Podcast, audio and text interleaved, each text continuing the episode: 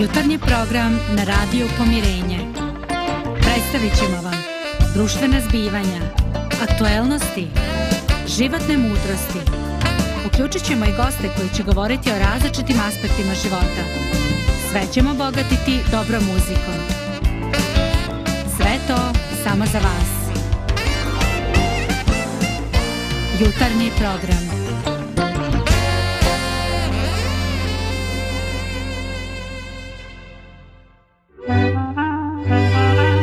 Riječi mudrih ljudi.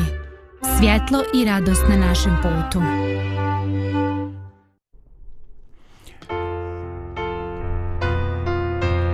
Lijep pozdrav, dragi gledalci. Evo, ponovo smo zajedno i to mi čini radost. E, danas e, je napokon došlo do stabilizacije ovoga vremena. Vrijeme i ovo padavine su se malo ovaj blaže. Valjda rad toga što nam se održava i ovaj teniski turnir, božo kako li se to već zove, ovaj, ovdje u Banja Luci, pa su nas i oblaci malo, malo zaobišli. Da, Srpska Open, kažu, juče svi mečevi bili ovaj probomjereni, tako danas će valjda moći se nastave. Valjda će danas ovaj ljubitelji. Kažu i Novak Đoković danas treba da igra svoj meč, tako da... Pa moraju oblac, valjda imaju toliko osjećanja da skrenu malo od Banja Luke, ovo stvara ne smisla. Da, evo, Božo, čuo sam da su karte za ulaz paprene. Ono, izgleda da baš moraš voljeti da bi dio dio ovaj svega toga bio. E, vjerujem da ne znam koja je cijena, ali znam neki drugari moji su me zamolili da pogledam ulaznice za polufinale i finale, evo da gledaju Đokovića i prvi dan kad su izašle ulaznice ja zaboravio to. I drugi dan ja već možeš da ja, se slikaš. drugi dan ja došao nema više. E, a, a ja imam informacije da su na crnom tržištu od 500 maraka para gore pa se ti misli. Ako si baš, ovaj, znaš kao kažu u Bosni, će im se plaća, pa ako voli, nek izvoli. Oj, čoveče, ovaj, E, u moje vrijeme su postojala, ne znam kako se to zvalo, u mene se to zvalo tapkaroš. Znači, kad dođe neki filmska predstava koja je rasprodana, onda neki koji imaju veze ode kupi 10-15 komada ovaj, i onda šeta, pošto mnošto ljudi došlo i nema više ulaznica, on kaže ulaznice, ulaznice, kao ono devize, devize, znaš.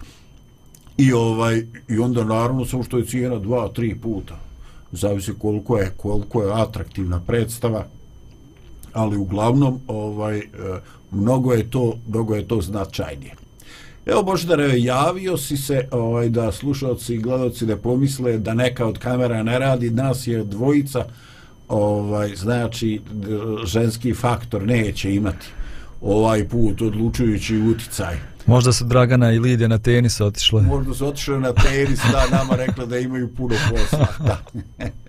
Dobro, mi ćemo izgurati ovaj naš dio posla, ja se makar nadam da će nas, da će nas tehnika a, poslužiti, da će ovo sve ići kako treba. E, danas sam predvidio da pričamo o jednom pojmu koji nas onako baš jako tiče, možda ne u nekom e, teoretskom smislu, u nekom jezičkom smislu, jer radi se o riječu objektivno, objektivna stvarnost, koliko ima mnoštvo realnih životnih situacija kad to ovaj kad se to nama dešava, kad to zapinje za nas, kad mi jednostavno nešto što nam se nameće, nameće ovaj samo po sebi. Ovaj e, i postoje na primjer kad nešto pričamo, onda nas neko sumnjičavo gleda i kaže ti si, brate, previše subjektivan. Ovaj, ili ima i one druge situacije, to smo vjerojatno gledali kod naših mama, sestara, možda kod supruge, ovaj, kad nešto novo ovaj, kupi, onda zovne prijateljicu na čaj, na kafu, onda se to obuče, te papuče ili ta suknja, nemam pojma šta, i onda kaže, jeli kako mi stoji? A onda ova druga zavisi sa šta hoće da postigne i kaže jao kao da je šiveno za tebe. Jesti pravo dobro. Ovaj što ovaj ja nešto razmišljam. Ako neko nešto kupi znači kupio zato što mu se dopada. A ako je kupio vjerovatno je obukao i stao na ogledalo.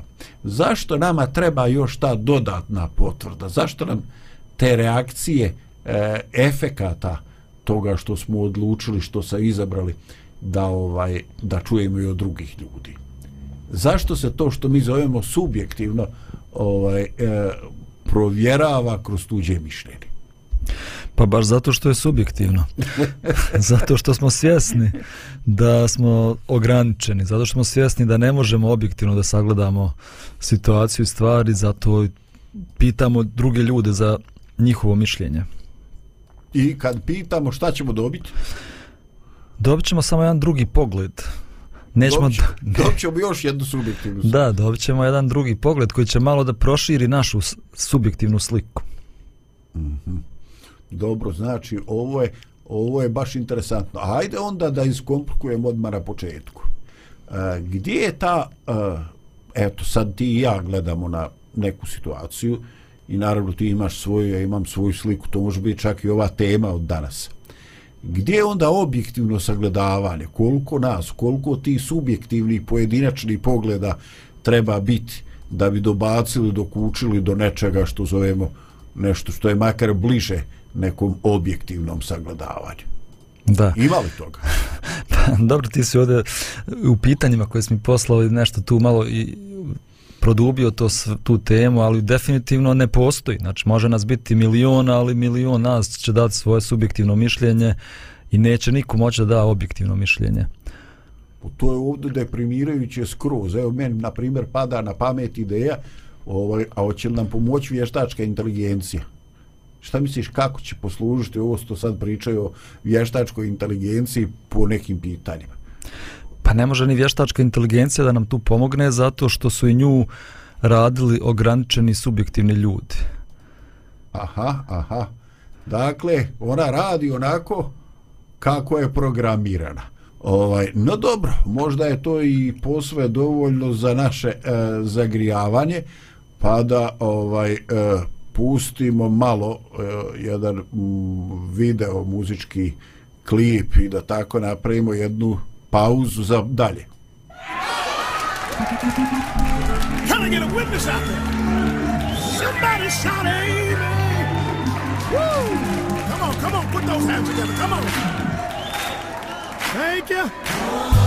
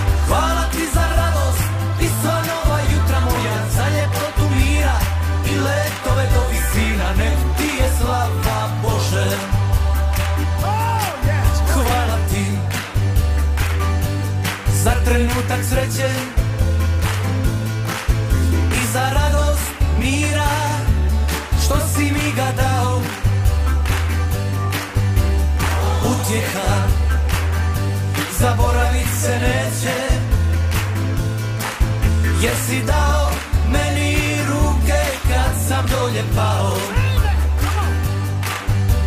Hvala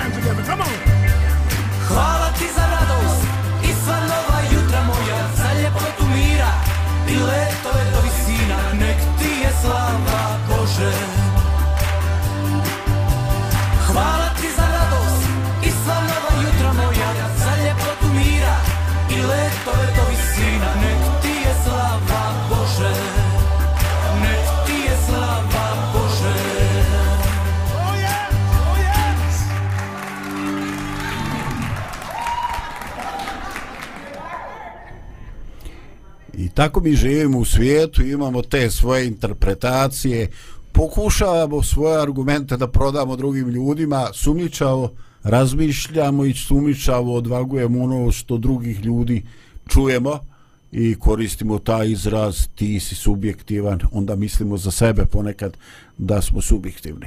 Ali Boždare, uh, eh, razmišljam koliki je uh, moćan uticaj emocija na našu percepciju uh, realnosti.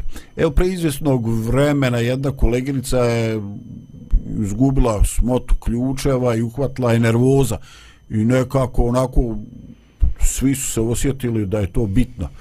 Neki smotu 15 ključeva je nestao ovaj, i onda je ona rekla, kaže, pa Vokuću, kaže, jesi ti, da nisi ti uzeo onako. ja se pipam po džepovima i ovako već mi krivo čekaj, što me, što me optužuje, a što bi ja uzeo ono jedino slučajno. I, ovaj, i e, onda u jednoj e, Viber grupi također postavi se to pitanje i onako ja da pokažem da je to mene doteklo, ja napišem, reko, e, a da mi prvo to provjerimo, pa da onda sumnjičimo. I kaže ovaj, kolegerica, ma meni je i mačak bio sumljiv taj dan, a ne samo ti Vokiću. I kod mene betoniralo. Znači, stvarno na to mene sumniči. I tako idući vikend ja dođem i pitam jednu drugu osobu koja je bila prisutna. Je li ono njeno sumničao i mene? Kaže, je li to, te, rekao, je li to tem djelovalo kao šala? Pa Pokaže, jest, kako drugačije? Ja se nađem u nebranom grožuću. Čoveče, ja sam razmišljao da li sam ja napadnut, da li ja treba da se branim, zašto se meni ne vjeruje ovaj i stvarista Božidare dođem do situacije da naše raspoloženje koje nije uvjetovano samo aktuelnim događajima nego i onim što je možda na nama se dešavalo neposredno prije susreta s ljudima ono drastično utiče na neko naše sagledavanje toga.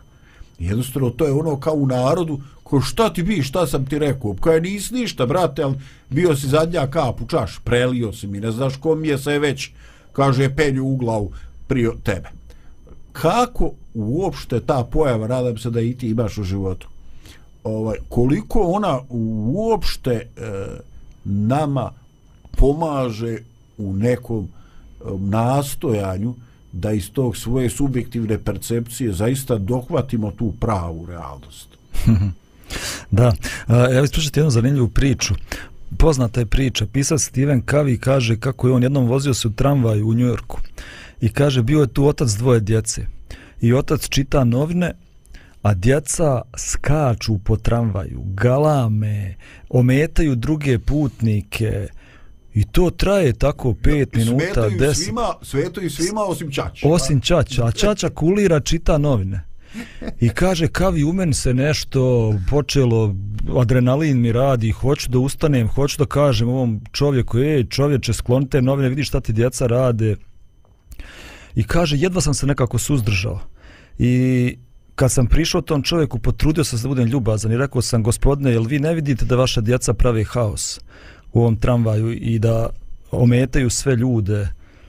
I ovaj čovjek je spustio novine i kaže, ja se stvarno izvinjavam prije sat vremena je umrla njihova majka i vjerovatno je to razlog zašto ne mogu da, da se ponašaju baš najljubaznije i najnormalnije. I kaže Kavi kako je ta rečenica odjednom promijenila cijelu njegovu paradigmu. Ljutnja nestala, adrenalin se spustio, odjednom on ostio se osjećanje prema ovom čovjeku i prema ovoj djeci. I pitao, mogu ja nekako da pomognem, evo šta god mogu da uradim. Znači, mi ne vidimo stvari onako kako jesu realno. Ne vidimo ih objektivno. Ti vidiš ponašanje neke osobe ali ti ne znaš ništa šta stoji iza toga. Uh, ja mi, mi imamo problem evo ja lično imam problem. Ja ne mogu potpuno precizno da izrazim svoje misli svoje osjećanja riječima. Ja često uhvatim sebe da riječ koju sam rekao nisu precizno izrazile ono što ja stvarno mislim. Evo moje supruzi, ja nekad kažem riječ i onda shvatim pa nije ta riječ baš odgovarajuća. 100% precizna. I onda ona nema pravu sliku o tome šta sam ja u stvari želio da kažem. I zato je teška komunikacija među nama. Zato što em što mi ne znamo šta drugi ljudi misle, em što riječi uh, često ne izražavaju ono što ljudi misle i što mi imamo našu percepciju i pozadinu svega toga i jednostavno to otežava komunikaciju. To je definitivno tako, ovaj, eh, definitivno tako i eh, kako sad smijemo to reći da ovi što neće da se žene. Ali ovaj mi to na možda ovako baš zora način naučimo baš kad smo u braku. Je, e, provodimo ovaj dosta vremena zajedno s našim supružnicima. Ovaj drugo definitivno imamo jednu ključnu razliku ovaj jedno ima muški, drugo ima ženski mozak, znači ne interpretira. Jedno je s Marsa, drugo sa Venere. Sa Venere i ovaj i ovaj stvarno tu je tu je problem radi toga što uh, u dešifrovane onoga šta je pjesnik htio da kaže i šta je tu bilo, šta je tu poenta. Ovaj ja sam to negde spominjao, ali definitivno ovaj ima tu i onaj problem e, što muškarci donekle se i trude da da, da definišu ono što, i definišu ono što žele ovaj e, što ženski svijet ima malo sklonosti da očekuje e, da mi to osjetimo, da mi intuitivno doživimo šta bi trebalo, da mi to shvatimo. Ovaj, a čujem da to većini muškaraca baš i nije prva osobina. Znam da nije meni. Ali kaže, a kako se nisi sjetio? A kako se zaboravio? Pa valjda mu je jasno kad ja kajem da neću, da ja u stvari hoću, samo hoću da me porudi tri puta. da, ovaj, e, pogledaj, e, stvar se, stvar se definitivno ovaj komplikuje, ali ovaj, e, kad pitamo druge ljude da o nečemu govore, da govore svoju interpretaciju, da kažu ono što vide, ovaj, osnovno je pitanje da li nas to stvarno zanima. Drugo pitanje, koliko su ljudi dobro namjerni u tome? Možemo li vjerovati da zaista misle ono što, ono što govore? Ovaj, e, da li je to uopšte u fokusu? Da li je to predmet njihovog interesa? Da li ga se uopšte, pi, uopšte i se tiče? Koliko je smisleno kad mi to ovaj tražimo? Kad očekujemo da se drugi ljudi izjasne. Ali definitivno nama treba.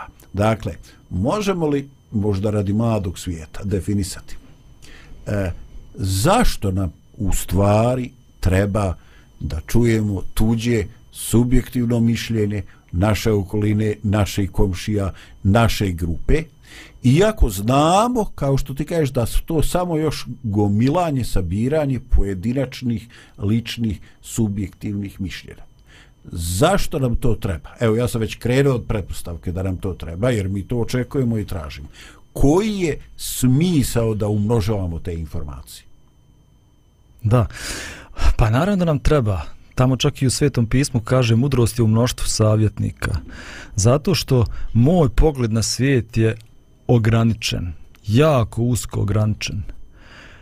Kad dobijem mišljenje nekog drugog čovjeka, ja malo proširim taj pogled. On je još uvijek ograničen, ali malo je širi. Kad dobijem mišljenje deset ljudi, proširit ću, proširit ću taj pogled. Imaću, barem malo ću prići objektivnosti bliže nego kad sam, kad sam bio sam sa svojim razmišljanjem. Zato nam je, va, zato je važno da budemo okruženi ljudima, zato je važno da dijelimo svoja mišljenja, zato je važno da dobijamo dobijamo mišljenje drugih ljudi, čak i o nama samima, jer mi često imamo pogrešnu sliku o sebi i jako subjektivnu sliku, neobjektivnu, da tako kažem, sliku o sebi. Dobro je da nam i drugi ljudi kažu kako oni vide nas. Da. Ovaj, e, možda da to dodatno još malo proširimo sa idejom o toj dinamici grupe. Dakle, ne radi se samo o tome da ovaj mi imamo pravilnu interpretaciju i da razumijemo šta nas ljudi misle ovaj, nego uopšte za dobre funkcionisanje bilo kakve grupe, bilo da je to radni kolektiv, sportski, na kraj kraja porodica. A, potrebno je da postoji prostor, vrijeme i dobra volja da se mišljena izraze, da se kaže kako ko to vidi ili e, doživljava. E, upravo radi toga traženja e, prostora u kome će biti najmanje haosa, najmanje tih nehotičnih sudaranja, u tome našem zajedničkom bitisanju, htjenju, u toj dinamici našeg razmišljanja, razmišljanja i djelovanja. Dakle, da, potrebno je da oslušnete šta vam misle kolege, prijatelji, porodica, ali potrebno je i da kažete. Kaži gdje boči, kako to kažu ovdje u našem kraju. Kaži čoveč šta ti smeta. Kaži šta bi volio. Pa, naravno, i najvjerovatnije se neće desiti sve od onoga što ti očekuješ, ali povećavaju se mogućnosti da to se nešto od toga što je poželjno ipak desi. Možda sam da dodam nešto ovdje. Kad, kad smo pričali o toj komunikaciji, koja, koja ne može da bude 100% zbog svih tih prepreka koje stoje na putu komunikacije. Postoji nešto što zove reflektivno slušanje. Ti meni kažeš, ti meni pričaš nešto. Reflektivno slušanje je kad ja sažmem ono što si ti rekao i ponovim to. Mhm. I ti onda kažeš, jest, jest, upravo sam to mislio. Ili kažeš, nije, nisam ja mislio na to. Pobogu čoveče, ni luk jevo, ni luk mirisao, šta ti bi, a? Znači, to nam pomaže, pomaže da imamo bolje razumijevanje onoga što neko, neko govori. Super, super. Ovaj ajde navikao sam se ja ovaj e, navikao sam se ja da ti da ti proširuješ ovo. Imamo dakle još jedno još jedan segment i imamo jednu dobru praksu, metodologiju rekao bih kako da provjerimo da li to što ja pričam, da li, da li smo dobacili, da li dolazi do ovaj uma onoga sa kim komuniciramo. Ovaj, u redu, imamo još malo pauze.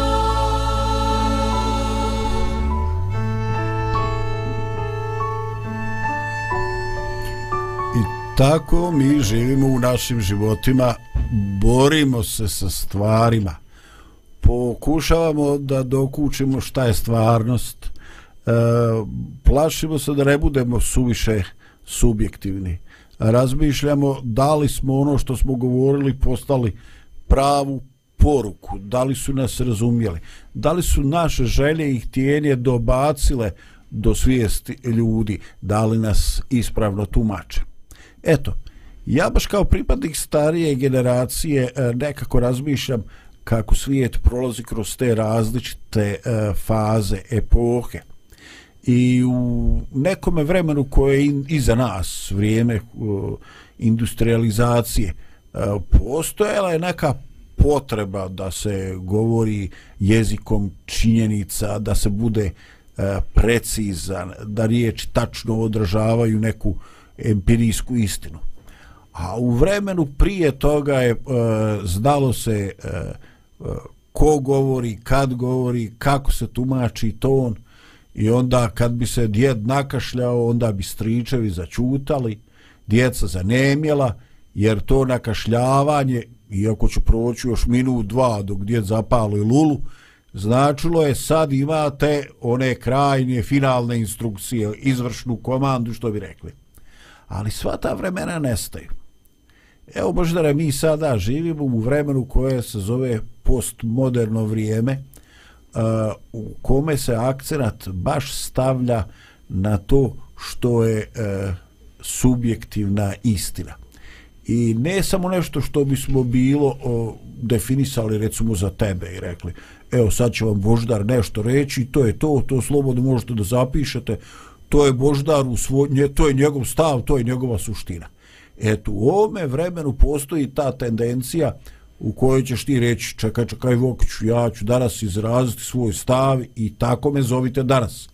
Ali, za određeni broj, neko vrijeme, za određeni broj godina, ja ću se možda transformisati i treba će raditi update toga što se zovem ja. E, kako e, inače taj pokušaj ljudi da definiše odnose, da sazna istine, da napravi jedan stabilan sistem.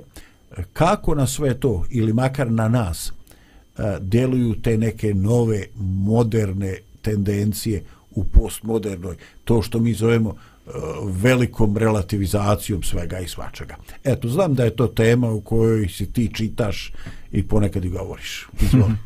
Da, hvala ti. Pa, e, možda po, da postavimo pitanje zašto danas ljudi na takav način razmišljaju.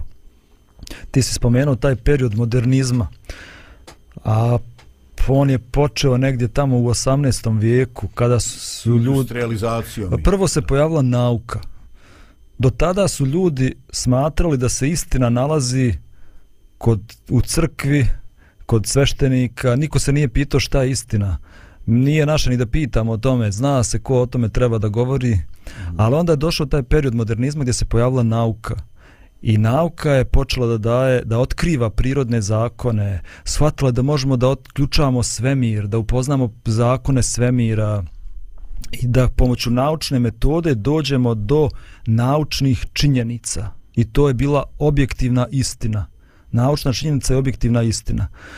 Uh, Isak Newton je govorio da je svemir kao jedan, uh, jedna mašina ili kao neki sat, a nauka je kao šrafciger koji će da otključa to sve. Znači, nauka će da otkrije sve prirodne zakone, onda je došla tehnologija. Mi možemo i da upravljamo sada, kad imamo to znanje, mi možemo da upravljamo tim prirodnim zakonima. Jednostavno, to je bio svijet uh, optimizma. Tada se vjerovalo da će nauka i tehnologija da riješe sve probleme čovečanstva. Svijet će ući jedno bolje vrijeme postojanja, bolesti će nestati, životni vijek će se produžiti. Penicilin čovječ otkriven, a? To je strava bila situacija. Jest. Međutim, taj period modernizma i taj modernistički pogled na svijet se srušio sam po sebi.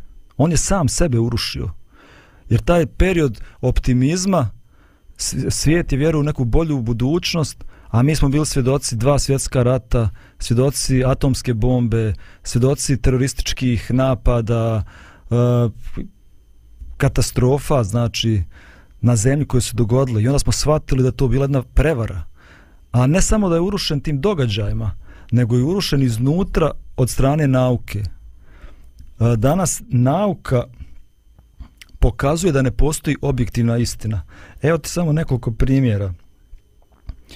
Uh, U kvantnoj fizici danas naučnici ne mogu da objasne dualnu prirodu materije. Da materija se ponekad i energija se ponekad ponašaju kao talasi, a ponekad kao čestice.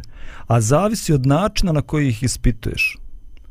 Pa onda, u kvantnoj fizici dva objekta mogu da zauzimaju jedno mjesto ili jedan objekat može da bude na dva mjesta. A sve zavisi od toga kako ga posmatraš. Ako ja posmatram jednu česticu u Banja Luci, to moje posmatranje utiče na samu prirodu i ponašanje te čestice. A ne samo to, nego utiče i na čestice koje su daleko hiljadu kilometara. Umjesto da imamo objektivni svijet koji možemo da posmatramo i da odmjeravamo, izgleda da se stvari mijenjaju dok ih mi posmatramo. I to je dovelo do rušenja mita o naučnoj sigurnosti. Naučne činjenice više nisu objektivna istina, jer naučnik svojim prisustvom čini da ta istina postane subjektivna. I zato današnji postmoderni ljudi ne vjeruju da postoji objektivna istina. E, i to mi ovako ispada da je još Pilat tamo ispred Usa bio postmodernista u tome vremenu ovaj e, sukobljen između dve interpretacije između onoga što priča Isus i ono što pričaju poglavari ili vođe elita toga vremena. Ovaj on je oprao ruke i pitao a šta je istina? Ono to je upravo to. Čeka čovječe previše traži. Može li se to dobaciti? Može li se to dokučiti? Koliko je to koliko je to ovaj uopšte e, moguće? E, ajde ti si nam dao baš neke primjere koji nisu ovako lako svarljivi lako upotrebljivi ovaj e, jedna stvar na dva mjesta dve stvari na istom mjestu Laički, laički govoreći. Da, ovaj, da, ja se naviku ono des sklon da sjednem, razumiješ, ono, neš sjest tu. Ovaj, evo, ima baš, ovaj, ima uh, na ovoj mojoj relaciji između Banja Luke i Srbca ima taj jedan problematični bus ovaj, koji ide 15 do 2. E, on je potpuno drugačiji od onih buseva ispred i iza, jer u njemu putuju srednjoškolci. I oni imaju običaj da čuvaju mjesta ovaj i ja sam tamo Gargamel ja u stvi sjedam ne pitam ni sjedam pa prvo slobodno mjesto ovaj i sad čekam kad ću jednom ući u problem zbog toga ovaj eto jednostavno ne mogu ne mogu dva predmeta ne mogu dve osobe sjediti na istoj stolici. Ne može zauzeti dvije stolice kad jedan tijelo samo imaš. Ali ovaj e, to ne silazi samo na, na, e, ne govorimo mi samo o tom nekom e, vrhunskom posmatranju gdje se nauka i filozofija miješaju ovaj nego govorimo o određenim sugestijama uticaju na praktični život ovaj više se često se ne pita često su stvar pita se očekuje se da ljudi e, se izraste, da oni kažu kako se osjećaju da oni budu ti koji će definisati e, i svoju polnost e, i, i bilo šta drugo. Dakle čeka se da to čovjek kaže znači ne ide se na neke e, fizičke biološke pokazatelje. Razmotaš pelenu i to ti je to nego se čeka eto da čovjek kaže gdje ti me reci jesi ti muško ili žensko ili šta ja znam. E, tako da e, ljudi pogotovo ove starije generacije su e, zbunjene i razmišljaju e, kakav je to svijet koji dolazi i u kojem će živjeti naša djeca i naša unučad. E, šta misliš? Šta je e, posljedica? Dakle sve što se dešava dešava se s nekim razlogom ima neki uzrok ali očito je da je to jedan novi izazov s kojim će se morati nositi ljudi u vremenu koji dolazi Da. Hm. To možemo gledati sa druge strane. Znači, ovo već sam spominjao, znači da su današnji ljudi razočarani, osjećaju se prevareni od strane svih tih institucija koje su obećavale bolji svijet, a to se nije dogodilo. I zbog toga danas oni ne vjeruju. Ne vjeruju ni nauci, ne vjeruju ni crkvama, ne vjeruju institucijama, I, a s druge strane, ono što oni vrednuju je iskustvo. Zato što se oni pitaju ne samo da li je nešto istina, nego da li je to dobro. Da li to, ta istina funkcioniše u tvom životu? Da li je ta istina dovela do nekih pozitivnih promjena u tvom životu? Da li je ona dobra za čovječanstvo? Nije bitno samo da li je nešto neka abstraktna istina. A do te istine oni dolaze kroz pričanje priča, iskustava. Zato današnji ljudi vole da i da slušaju i da pričaju svoje iskustva. Da. I možda upravo radi toga što ih ta tuđa iskustva ne obavezuju. Ali ga a, svakako stavljaju na tas, važu ga i on ovaj će imati veći ili manji uticaj zavisi od svoje težine od broja ponavljanja istoga sta, stava vjerovatno. I čini mi se eto ovaj u smislu kom se ti krenuo ovaj da je danas više nego ikada a, razmišlja se i ljudi obraćaju pažnju na autentičnost priče. To što ti pričaš je to nešto što si ti brate naučio?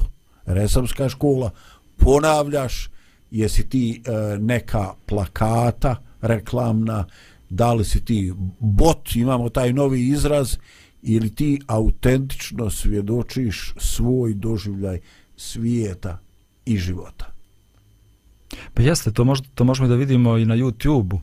E, svaki video, ne znam koliko ima pregleda, oni ljudi koji samo pokazuju svoj život, znači autentično to što jeste i to ljude zanima, znači, a ne neko ko će da stane i govori im šta treba i kako treba i šta je naučna činjenica.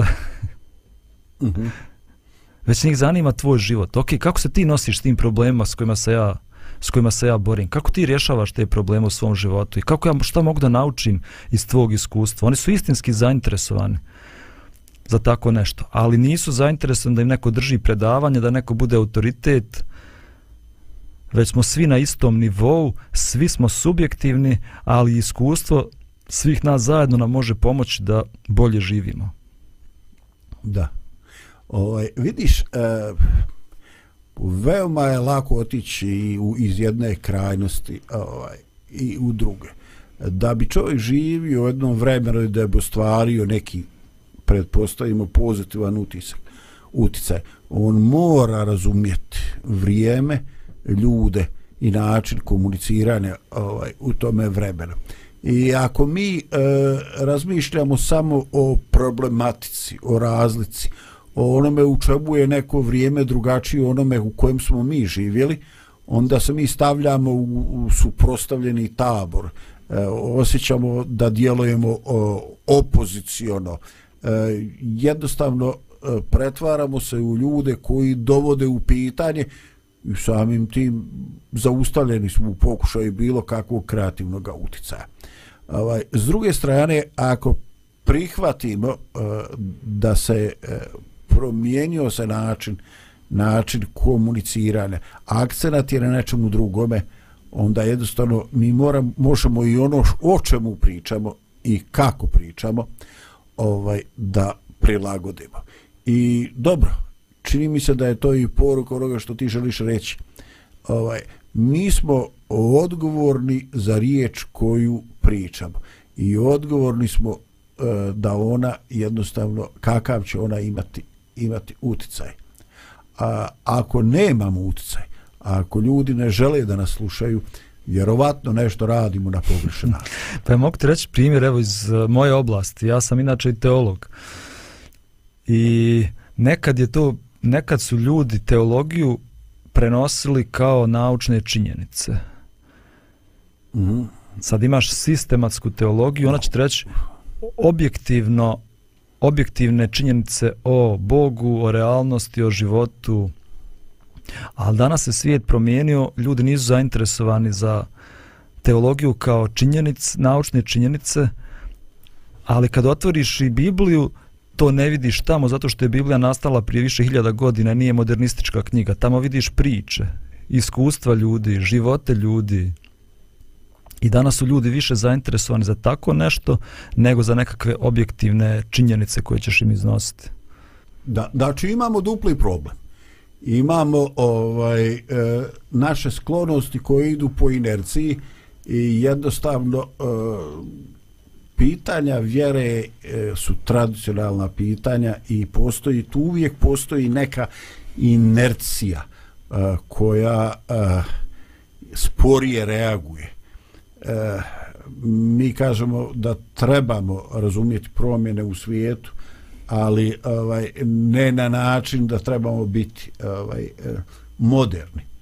I onda e, definitivno Eh, se nalazimo onako eh, razapeti s jedne strane eh, treba naći načina kako tumači Bibliju koja nije izgovorena jezikom modernizma koja je izgovorena u neka davna vremena. Ali ovaj čini mi se da je možda u ovome postmodernom vremenu ljudima možda za nijansu i lakše tumačiti sve to pismo i razumjeti ga nego u doba modernizmu kad su ljudi u svakoj biblijskoj izjavi umjesto možda poruke s, či, s kojim razlogom je nešto napisano tražili neke činjenice koje bi povezali sa svijetom nauke.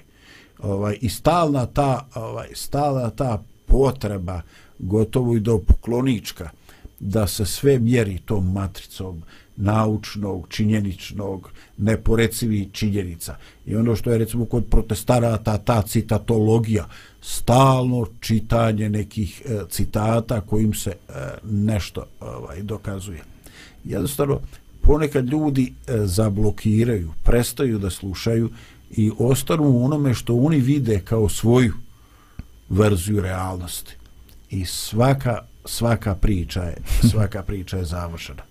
Pa definitivno, ja se sjećam isto, ne znam, te grane teologije koje su nastajale u 18. 19. vijeku, arheologija, na primjer, trebaš naučnim putem da dokažeš istoričnost nekih događaja iz Biblije i onda se iskopava i ne znam nija gradovi i kad pronađeš taj grad, e, to je dokaz da je Biblija istinita današnje ljude uopšte ne zanima je li taj Ni grad ovaj, iskopan ili nije iskopan. Njega zanima to što piše u tekstu. Da li to je neka poruka za mene? Da li ja mogu nešto da dobijem iz, iz te poruke? da li će moj život... upotrebljivo danas? Kako Jest, ću ja jest. to upotrebiti?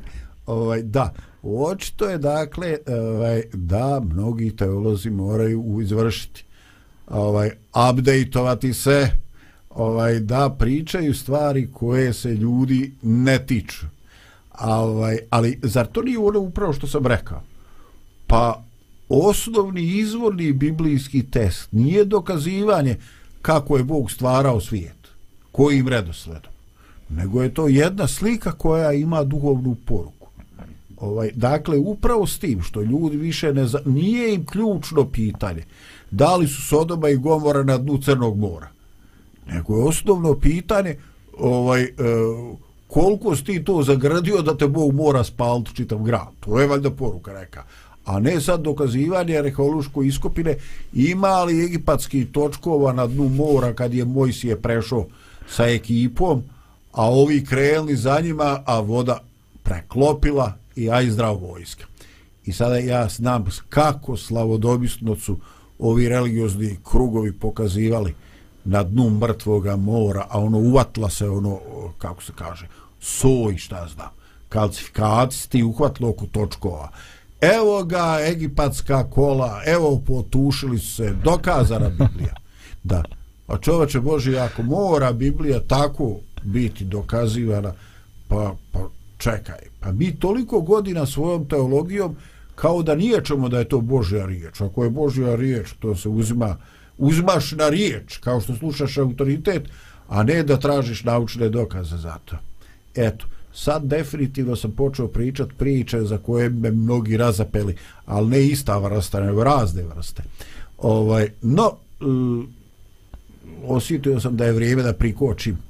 Pa imat ćemo još jedno, ovaj, još makar jedan dio, no vrijeme je stvarno zdravko da pauziraš.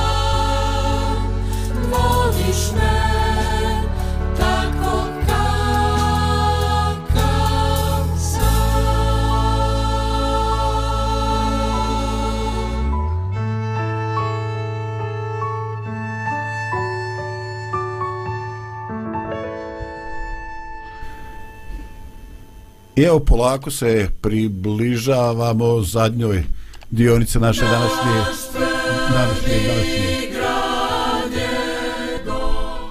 naše današnje uh, emisije. Uh, zaista nije jednostavno ovaj živjeti, nije jednostavno donositi odluke. Nije jednostavno komunicirati, pogotovo kad se susrećemo sa ljudima uh, E, koji jednostavno pripadaju nekom drugom vremenu. E, bez obzira da li smo mi ljudi staroga kova, a pred nama su ljudi budućnosti koji se ne, ne razumiju ili je to obrnuto. No definitivno postoje načini e, i razlike u komunikaciji. E, definitivno postoji e, veliki m, velika razlika u poželjnosti onoga što je subjektivno u gledanju na mogućnost e, da se e, dobaci, da se dokuči ono što je objektivno, ono što je e, neporecivo. I napokon, pošto smo mi religiozni radio, mi na kraju ipak moramo postaviti pitanje kako u tome kontekstu modernom čovjeku govoriti o nekim e, vječnim istinama, o istinama koje ne zavise od našeg subjektivnog dojma. Kako ljudima spomenuti da mora doći čas suda Božjega, koji je bez ikakve sumlje nagoviješten i reče. A, ovaj, a, a u isto vrijeme ne uticati na ljude e, da oni dožive to kao određeni atak, kao napad na sebe, na svoj viđenje života. Dakle, e, gdje se danas nalazimo? S jedne strane imamo riječ Božju koja kaže bit će tako, jer tako Bog hoće i onda imam komplikovanu situaciju. Ljudi koji tumače te Božje riječi možda na način koji ne mogu razumjeti njihovi slušalci. E, imamo e, rude koji pripadaju različitim periodima i različitim pristupima životu a, koji donose istine ili donose zaključke koji su sudbonosni za njihov život. Kako da pomognemo jedni drugima. Kako se to što je konačno, definitivno Božje uklapa u ovo kako svijet doživljava moderni čovjek danas? pa ja mislim mi treba da kažemo kako mi treba pomognemo sebi, a to smo već pričali. Zato što današnji postmoderni svijet je duhovan svijet. Modernisti su bili ljudi koji su bili uh, sekularni, sekularni ljudi. Do bola, da. Jeste, nama ne treba Bog. Mi ćemo sami da riješimo svoje probleme. Nauka i tehnologija će riješiti probleme. Nije problem grijeh kod čovjeka, nego neznanje. A samim tim što se mi školujemo, što učimo, što istražujemo, što upoznajemo, što, mi ćemo riješiti probleme čovečanstva. Današnji ljudi shvataju da je to bio lažni Bog.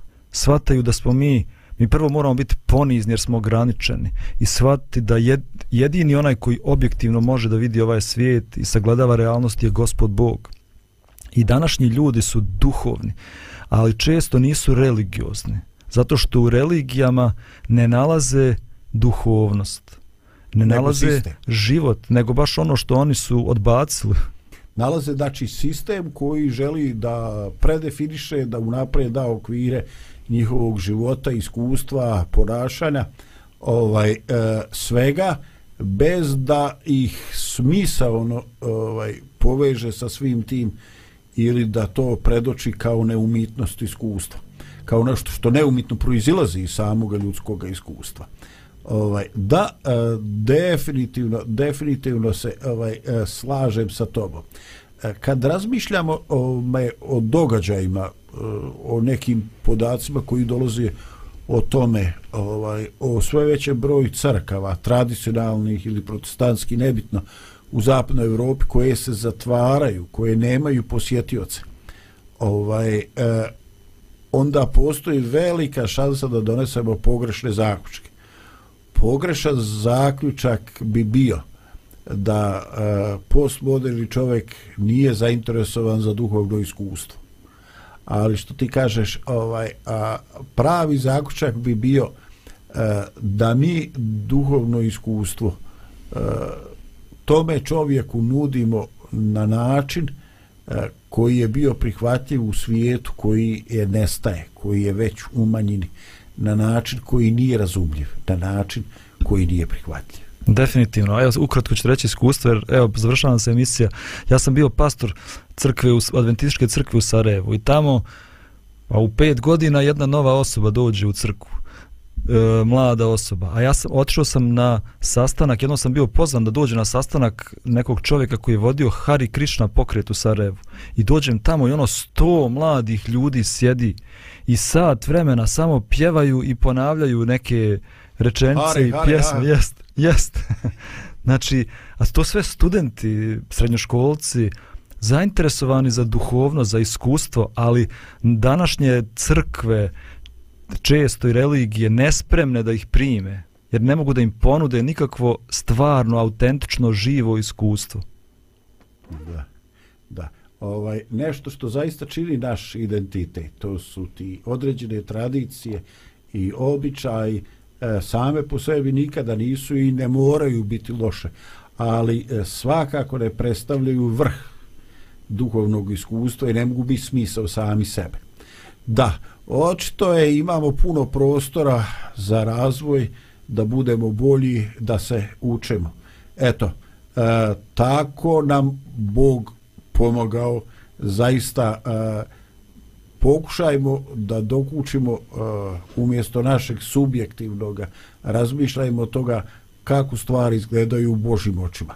Možda je to previše, ali sve ono što je ispod toga je nastojanje za koje se pitamo koliko vrijedi. Eto, lijep i blagosloven dan iz Radio Pomirenja.